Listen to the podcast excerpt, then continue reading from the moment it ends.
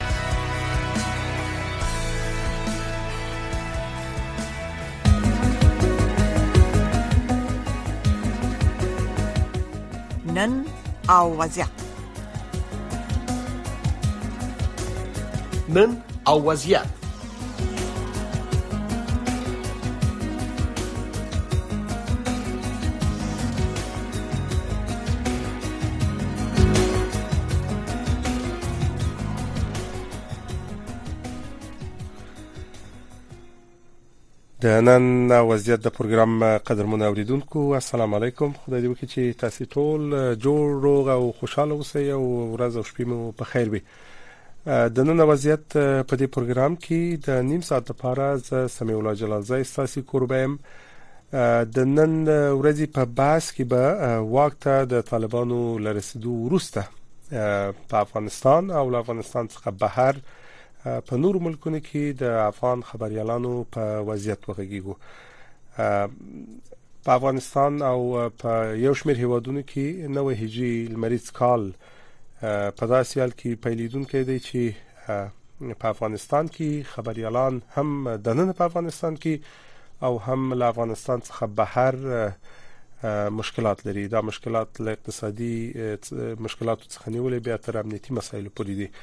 د نن ورځې په بحث کې د افغاني خبريالي لیمي سپیڅلي سره بحث کوو لدی به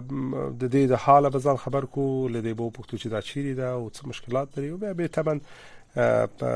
خبريالانو خبريالانو باندې د طالبانو د واکمنۍ ورسته د رامنځته شویو یا راغلو فشارونو په اړه بحث وکړو لنیکه مرغه اغلی سپیڅلی هم را سره د پروګرام کې دې ته خراغلاست وایم اما تر هر څه مخکې ساسي پام د مهمو د نن ورځې مهمو خبرونو ته راړو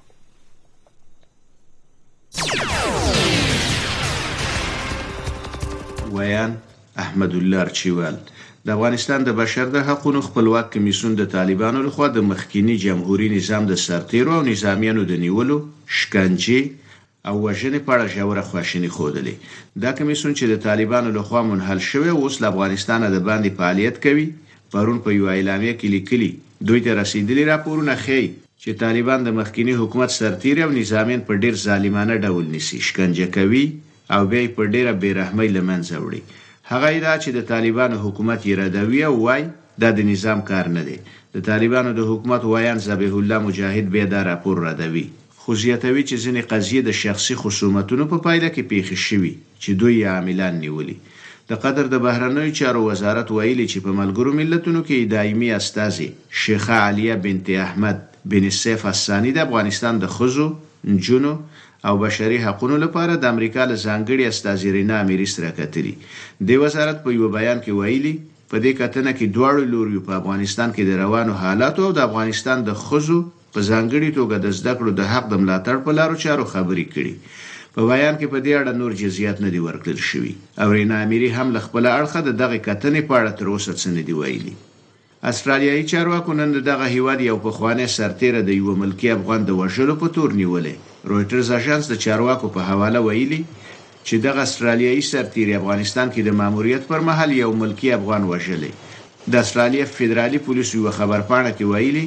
احتمال شته چې دغه یو څلوېښت کلن سرتېری په محکمه کې په جنګي جنایت محکوم شي، چې تر ټولو درنه سزا یې ابدي حبس دی. د طالبانو د حکومت د بهرنیو چارو سرپرست وزیر امیرخان متقي وايي، که یې حکومت تر اوسه د نړۍ هېڅ یو هېواد په رسمیت نه دی پېژندلی، خو د نړۍ له ډېرو هېوادونو سره یې اړیکې اوس رسمي بڼه لري. متقي د طالبانو تر کنټرول لاندې له ملي راډیو تلویزیون سره په مرکه کې چې بېګاه خپره شوه ویلي، د نړۍ د ډېرو هېوادونو سفارتونه په کابل کې خلاص دي او هم د دوی سفارتونه په همدې هېوادونو کې فعال دي. له امریکا غږ څخه خبرونو ته دوام ورکوو. د بریتانیې دفاع وزارت له افغان پناه غوښتونکو د هغې غوښتنې په خاطر له قید او شرط پرته بخښنې ته اړ ایستل شوی، چې له دوی څخه یې په دې هیواد کې د منل کیدو لپاره کړي، په دې اړه زما همکار راپور راکوي. د رسنیو د راپورونو له مخې، دې وزارت له افغانانو غوښتي وو که غواړي چې بریتانیا پناه ورته ورکړي باید لازم اسناد یې د طالبانو د حکومت له خوا تائید شي. د بریتانوۍ انډیپنډنټ ورځپاڼې د راپور له مخې، افغان پناه غوښتونکي د زیږیدلو د سند او نکاح خط لپاره د افغانستان د اوسني حکومت مهر ته اړتیا لري. د بریتانیا په پارلمان کې د کارګر ګوند غړي دان جارویز ویلي دا حکم په دې معنی دی چې افغانان باید د خپل مرګ سند لاسلیک کړي غورځنګ د امریکا غږ واشنگټن ایران وايي سعودي عرب د دغه هیواد ولسمشر ته د رسمي سفر بلنه ورکړې. ایراني چارواکي وايي ولسمشر رئیسي ته دا بلنه د باچا سلمان په یوه لیک کې ورکړل شوې. ویل کیږي چې دا بلنه د سعودي پاچا سلمان بن عبدالعزیز له لوري په یوه استول شوي لیک کې ورکړل شوې. خو سعودي عرب تر اوسه دا خبره نه ده تائید کړې. د سوریې ولسمشر بشار الاسد په یوه رسمي سفر دویم ځل متحدو عربي اماراتو ابوظابۍ ته رسېدلی او د هغه هیواد واکمن شیخ محمد بن زیاد النهیان یې هرکلی کړی. د سوریې ولسمشر په داسې حال کې له خپلې مېرمنې سره یو ځای متحده عربي اماراتو ته رسېدلی چې عربي هیوادونه له ګوښیتوبه د دمشق وتلو ته چمتووالی کوي. د متحدو عربي اماراتو واکمن له ولسمشر اسد سره په لیدنه کې ویلي، اوس وخت راغلی چې دمشق بیا له سره د عربي نړۍ د وروڼو هېوادونو په ټولنه کې شامل شي. راپورونو کې ویل شوي، متحدو عربي اماراتو ته د ولسمشر اسد نننی سفر د هغه د مخکیني سفر په پرتله زیات رسمیات او تشریفات درلودل. د خیبر پښتونخوا د لکي مروت مسؤلینو د امنیتي ګواښونو د مخنیوي لپاره په دغه ولسوالۍ کې د جنایي قانون یو سلو څلور څلوېښت مه ماده نافذ کړې. د لکي مروت ډپټي کمشنر ویلي، چې د قانون دغه ماده به تر پنځه ورځو پورې دوام وکړي، د دې مادې له عملي کېدو سره پر ولسي غونډو تر پنځه د زیاتو کسانو پر ورغونډېدو، د موټرسایکل پر غبرګه سپرلۍ او د وسلې پر ګرځولو بندیز دی. دا و د دې ساعت خبرونه چې تاسو ته هم په واشنګټن کې د امریکا غږ له سټوډیو وړاندې کړل.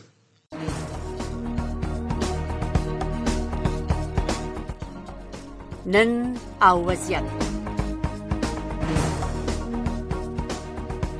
نن او وضعیت د نړۍ سیمه او افغانستان پر روانو چارو او د نن په وضعیت خبرونه رپورټونه مرکه او تحلیلونه هر شپه په 9 بجې د امریکا غږ آشنا رادیو نه واوري د نن وضعیت د پروګرام قدرمن اوریدونکو بیا هم سلام لکه څنګه چې ما د خبرونې په پیل کې وویل نن په دې غږیږو چې په افغانستان کې د طالبانو له واکمنیدو وروسته افغان خبريالان په څه وضعیت کې دي کوم فشارونه کوم مشکلات لري د همدې بحث لپاره مو افغان خبرياله اغلی لیمه سپیڅلې پروګرام ته رابللې ده اغلی سپیشلی پروګرام ته خرغلاس سلامونه که زما غاغوري تاسو خرغلاس وایم جلال بيت سلامونه تاسو ته او تاسو ټول قدرمنو او ریډونکو ته هیله لرم چې تاسو ټول صحت ولرئ تشکر اغلی سپیشلی موږ تاسو په جریان کې چې نوروز را نږدې کیدونکې دی او معمولا به هر کال د نوروز د پاره په بیلا بیل هیوادونو په خاص ډول په افغانستان کې به ځانګړي تیاریان نیول کېدلې او خلک به د ورځې ته ډیر خوشاله وو اما سخل داسې نه ده محدودیتونه وضع شوې دي او نوروز به په شکل چې باید منزل شوی وي سین نه منزل کیږي د یوې خبريالې په صفت غواړم اول باندې به تاسو نظر واخلم څه احساس کوئ کله چې تاسو داسې وضعیت ویني چې د افغانستان مهمي کلتوري ورځي هغه ورځي چې افغانانو ته مهمه دي نل منځل کیږي څه احساس کوي تاسو مننه جلال زوی صاحب د دې ورځې شاهد په اوسنی حکومت کې دا دویم ځل دی چې موږ ټول افغانان دغه ورځې شاهدان یو ځکه چې کال هم موږ دغه ورځې شاهد وو چې اوسنی حکومت اوسنی نظام د ته اجازه ورنه کړل چې افغانان او په افغانستان کې دننه د نوروز لا د نوي کال المانځ غونډه او چې لا ول منځل چې لا هغه افغانانو لخوا رئیس چې کوم کلتوري انانات درلود کوم رواجونه وو هغه ټول بند کړل معلومه را ده چې څه کاس نه لرو د خوشحالي احساس نه لرو او په دې د یو احساس د لکه له یو چا چې یو څه ډیر خوشي هغه تری واخلې او تخاور لاندې کې دقیقا هر کال به لکلونو کلون راځي موږ ټول افغانان د دې شاهد یو چې نوې کال به په ښه توګه باندې لمانځل کېدل مثلا کورنۍ بتللې د نوروز په لومړي ورځ باندې د کابل او د افغانستان په ټولو ولایتو کې میله ځایو ته په لومړي ورځ به کله چې د ایثار له خو براوي کېدل نو په فارسی کې ورته وایي سبز لګت کدن یعنی د وختي به د تللو ټول هغه شنو ځایونه لا کابلونه چمنو کې به ګرځي دلو او دا به په نیک فال باندې نیول شي ټول کال به همداسې موږ یعنی کال بمشین لکه څنګه چې سهار ښه پیلېږي ټول کال فال به هم داسې نیول د دې ترڅنګ به هفت میوه به جوړېدل هر کال متاسفانه دغه دوه کلونه مستي شاهدي چې ډېری افغانان د دې توان لري ځکه اقتصادي حالات د کورنیو لکه څنګه چې جمهوریت کې اوس په اوسنی نظام کې نه دي کورنۍ اوس اقتصادي وضعیت ښه نه دي چې هفت میوه جوړه کړي لا هفت سپین ورته وایو مثلا سبزی چلاو موږ درلود چې د نوروز په لومړۍ ورځ باندې و د سبزی چلاو سپین ورځي او سبزی په خېدل او کورنۍ په خپل منځ کې دغه ورځ لمانځله هفت میوي جوړول به یو ورځ دوه ورځې مخکې کورنۍ به دا هم لمانځله او هفت میوه به خوړله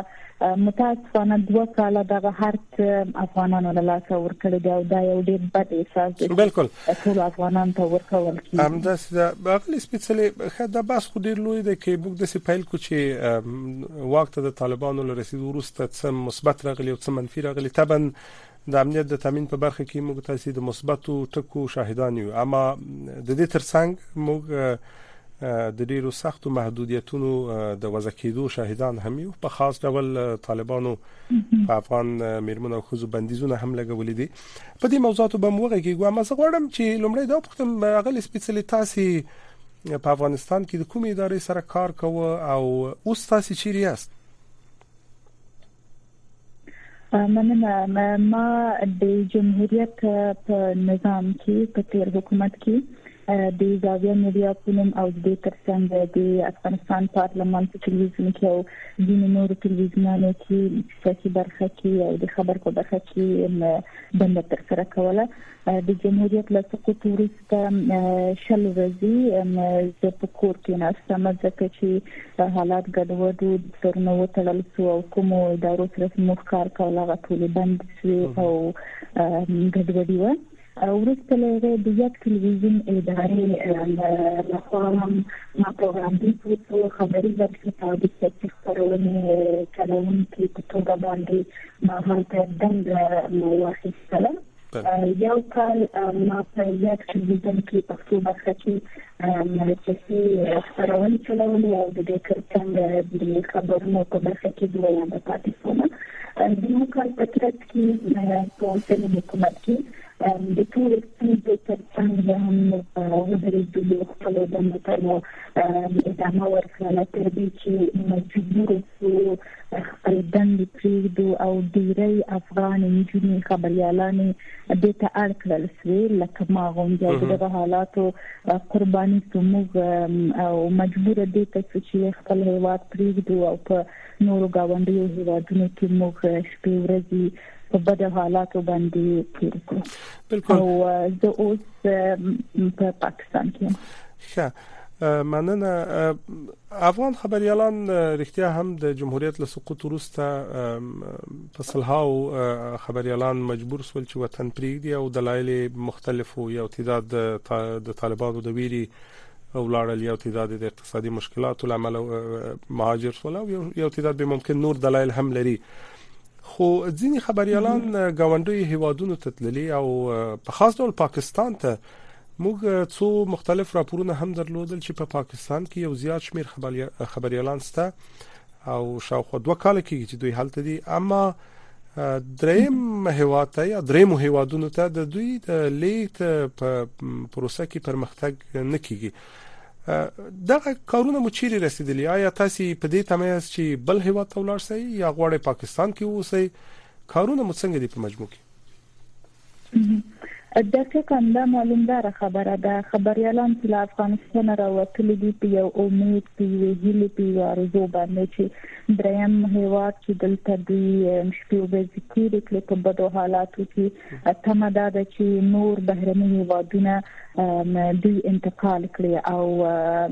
نورو هیوادونو کې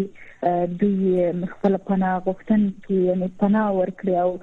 خپل غوښتنلیکونه وړاندې کړي او د نورو بهرنیو هیوادونو لومړني شرطونه هم دا دي چې له افغانستان څخه دریم هیواد ته باید دوی لاړ شي او هله دریم هیواد نه د دوی کارونه او کیسونه مخته ځي خو متاسف پانه د دوو کلونو را په دې خوا دلته ډیری خبریالان چې تقریبا حدودا دوه نیم سوه الا درې سوه خبریالان دي چې په تنها په پاکستان کې دلته شپې ورځې تیریږي او کارونه هیڅ هم معلوم نه دي دا ټول هغه خبریالان دي چې جمهوریت کې دوی کار کړی دی او واقعا خبریالان دي او اول حق د دوی دی چې انتقال شي خو متاسفانه د بهرنیو هیوادونو له لوري بې غوري ډیره زیاته ده دلته پاکستان کې چې مختلف ادارې دي لکه یونسیار او د دې ترڅنګ یو ان او ځینې نور ادارې د خبريالان لپاره او د افغان کډوال لپاره دوی کار کوي دوی له خوا هم هیڅ توجه نشته دغه کډوالو ته بغل سپیشلی اوبته مشکل څه دی آیا د سفارتونو یا د بهرنیو اداراتو سره د روابطو ټینګښت مشکل دی تاسو ته دا فرصت نه مساعدېږي یا مرتبات نیولې دی هغه هیوادونه د هغو هیوادونو نمائندګۍ تاسو ته غوږ نه نیسی اومده مشکل په څه په څه کې دی چې دا کارونه ځنډيږي څه وایي دا هیوادونه او ادارې سفارتونه د ټولو هیوادونو شرطونه همدا دي چې له یو کال تر اتلسو میاشتو دوه کال دوه نیم کال پورې کډوال باید په دریم هیواد کې د خپل ژوند تیر کړي ځکه د هیوادونو لخوا کار په ځند سره په مخ سي او د متقاضیانو شمیر ډیر زیات دی هر افغان هر هغه څوک چې په تیر حکومت کې دوی کار کړی او د اوسنی حکومت پر خلاف دوی کار کړی وو خلاف نه ورته ویل کیږي البته واقعیتونه ویل شوی وو خو دوی مجبور دي دلته یعنی یو څه د امنیت لپاره هم دلته ژوند وکړي ځکه تر افغانستان نه یو څه حد پوري دریم هیوادونه امن دي د خبريالانو او د نورو هغه کسان لپاره چې واقعا ژوند په خطر کې دی دلته ژوند کړی د بهرنیو هیوادونو خاص دلیل نه لري فقط د دوی کار په ډیر ځند سره مخ ته کار مخ ته وړي اما په ډیر ځند سره او هیله مې ده چې دوی خبريالان ته بل خصوص توجه زیاته کړي او کوم کسان چې په دریمو هیوادونو کې دي چې دوی کارونه څه پر مخ بوزي او انتقال تاسو په پیل کې ول چې 2.5 شاوخوا خبريالان پاکستان کې است آیا تاسو خپل کارونه په انفرادي شکل مخته وړي یا په ډلېز شکل مو خپل چاري مخته وړي دي ام په انفرادي شکل باندې خو تر اوسه کومه کپایل نه دا ورکړي ام دینو خبريالانو په د سجنی توګه باندې هم کلادمینو هم دی وکړل او که سفارتو ته کګ وهم دی وکړل که د ایمیل لارې د کارونو جوړول وهم وکړل اما نه انفرادي توګه تر اوسه کومه څه پایله درلوده نه هم جمعي توګه باندې په دې هیله چې تاسو غږ واوریدل شي هغه لسپیڅلې تاسو خو ول چې پاکستان کې اس او تاسو غوندي نور ډیر خبريالان او خبريالان چې ممکن کورنۍ هم ورسره وي هلته یاست یو بحث د اقتصادي مشکلاتو مسله هم ده آیا ساس په شمول د هغو خبريالانو اقتصادي وضعیت څه دی چې په پاکستان کې میشتي زه خپل مثال تاسو ته کوم چې موږ چې زموږ د تدریس تخصص کې ما تر ما ډېر د کسانو د خبريالانو چې خپل کورنۍ سره یو کال یو نیم کال دوه کال کېږي دلته خپل ژوند تیروي په افغانستان کې ټول خبريالان یعنی کوم کسان چې کار کول فقط د عمر معاش به اخیستل چې خپل ورځنی چارې به پر مخ وړلې ماغه پیسې معاش چې مقابل کې دي کار کول او مرګ به ترلاسه کول خپل ژوند به سر مخول هیڅ افغان هیڅ خبريال او هیڅ کډوال دغمره د پیسو ډیره ذخیره ځان سره نه درلود چې دلته د څو کال تیر کی دلته خبريالانو ته او په ټول کې ټول افغانان ته د پاکستان هیواد له لوري د کار اجازه نه لري کله چې کار ونسی نو معلومدار خبر ده اقتصادي حالت وضعیت د ژوند په ټیټه را دی او دوه کاله ژوند په بل هیواد کې ډېر ستونزمن خبره ده هغه کسان چې په بهرنیو هیوادونو کې څوګ لري لکه خور او ورور مثلا مور او پلار او ځینې نور خپلوان هغوی دیني مرستې کوي اما ډیری د کسان دي چې بهرنیو هیوادونو کې هیڅوک نه لري او دلته په بد اقتصادي وضعیت کې شپې ورځې تیروي متاسفانه ځکه د کار اجازه نه لري بیرون تګ نه شي کولای کړي باندې دي ستونزې ته پیدا کیږي ځکه اوس پاکستان هیواد هیڅ افغان ته ویزه نه ورکوي ټول هغه افغانان چې ویزه درلودې هغه ټول ایکسپایر شوی د لمن د تیری دي کله چې دوباره درخواست کې ویزه ورکول کیږي ټول ویزه ریجکټ کیږي او د سیستم د ډیر زیات دي بالکل مغل سپیشلی په دې هله چې د استونزي هوار شي خا د دې بس ترڅنګ لګ به بیرته افغانستان ته ستانه شو طالبانو په افغانستان کې پر رسنیو محدودیتونه لګولي معلوماتو ته د لاسرسي په برخه کې مشکلات شته بیا په خاص ډول په رسنیو کې د خزو حضور خو ډیر کم شوی دی بيخي سړی ویل شي چې صفر ته نږدې دی اما په ځینو رسنیو کې محدودي میرمنې شته تاسو د وی خبريالي په صفت چې په افغانستان کې د کار تجربه هم لري د رسنیو دغه اوسنۍ وضعیت په افغانستان کې څه ډول ارزوي آیا فکر کوي چې اوسنی وضعیت موږ د بیان واقعي ازادي ویل شو او فکر کوي چې دغه اوسنۍ وضعیت به په افغانستان کې د خلکو سره مرسته وکړي شي په داسې حال کې چې محدودیتونه هم خورا زیات دي معلومداره ده دغه اوسنی وضعیت له خلکو سره هیڅ نه مرسته نه شي کولای ځکه د خلکو واقعي غوښتنه تخریږي خلک چې څه غواړي هغه رسنۍ نه څه خبرولای واقعیتونه د خلکو د ژوند نه څه خبرولای د بیان ازادي وجود نه لري ټول رسنۍ تر کنټرول لاندې دي چې چاپی رسنۍ دي چې تصویري چې هم رادیوي دغه ټول رسنۍ حتی د سوشل میډیا ټول رسنۍ تر کنټرول لاندې دي هیڅ رسنۍ حق د دې نه لري چې بدون د اوسنی حکومت د اجازه اتا یو گزارش یو رپورت خپور کړي ځکه زه خپل تجربه وایم ما یو کال له اوسنی حکومت سره کار وکړ او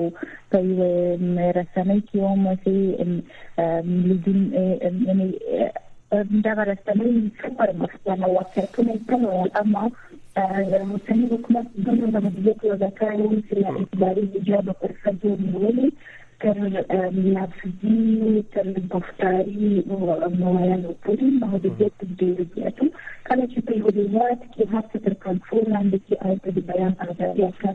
شتون نه لري او د دې ترڅنګ واقعیتونه ټول پټ کېږي په افغانستان کې اوس روان دي کوم خلک چې په افغانستان کې ژوند کوي او به یې ویني اما نړیوالو ته یې نه ویلی چې نړیوال له اوسني حالات خبر دي او نه هم خبرېدلی شي ځکه اوسنی حکومت هر څه تر خپل کنټرول لاندې لري بلکل نو ستاسو په نظر د طالبانو لخوا پر رسنیو باندې په خاص ډول په میرمنو باندې د دغو فشارونو دلایل تاسو څه بولئ ولی طالبان لرسنیو ویریږي او ولی فشارونه وځ کړی دي آیا تاسو په نظر د نړۍ اقدامات هم د دغو فشارونو په وړاندې کافي دي کنه ما دوه پوښتنې مطرح کړې نړۍ تر اوسه کوم اقدام نه دی کړی که نړیوالو کوم اقدام کړی وای په افغانستان کې به اوس حالات په دغه اندازه صفر ته نه رسیدل د خلکو ژوند دومره تر ګواښ لاندې نه وو د اوسني حاکمانو دلیل واضح دی نیولو پر رسنیو باندې محدودیتونه وضع کړی دی ځکه د دې اصلي چیرې نړیوالو ته ښکاره کیږي او دوی نو غواړي چې دوی واقعي اصلي چیرې نړیوالو ته ښکاره شي او نړیوال د دوی پر وړاندې باندې کوم اقدام وکړي دوی د پردې پر مخ یو چیرې لري او د پردې تر شا چې د دوی اصلي څېرې دي هغه نورې څېرې دي او کوم کارونه چې په افغانستان کې اوس ترسره کېږي په ادارو کې څه روان دي په ښار کې څه روان دي دغه ټول لکه یوه پرده ده چې نړیوالو پر مخ یې اچولې ده نو دا دلیل واضح دی د دوی اصلي څېرې بیا ښکاري که ارګ د پر دې مخ ته راځي لا هم ریپورتونه جوړ کړي لا هم رسنۍ ازادي ولري او د بیان ازادي شتون ولري ستاسو په نظر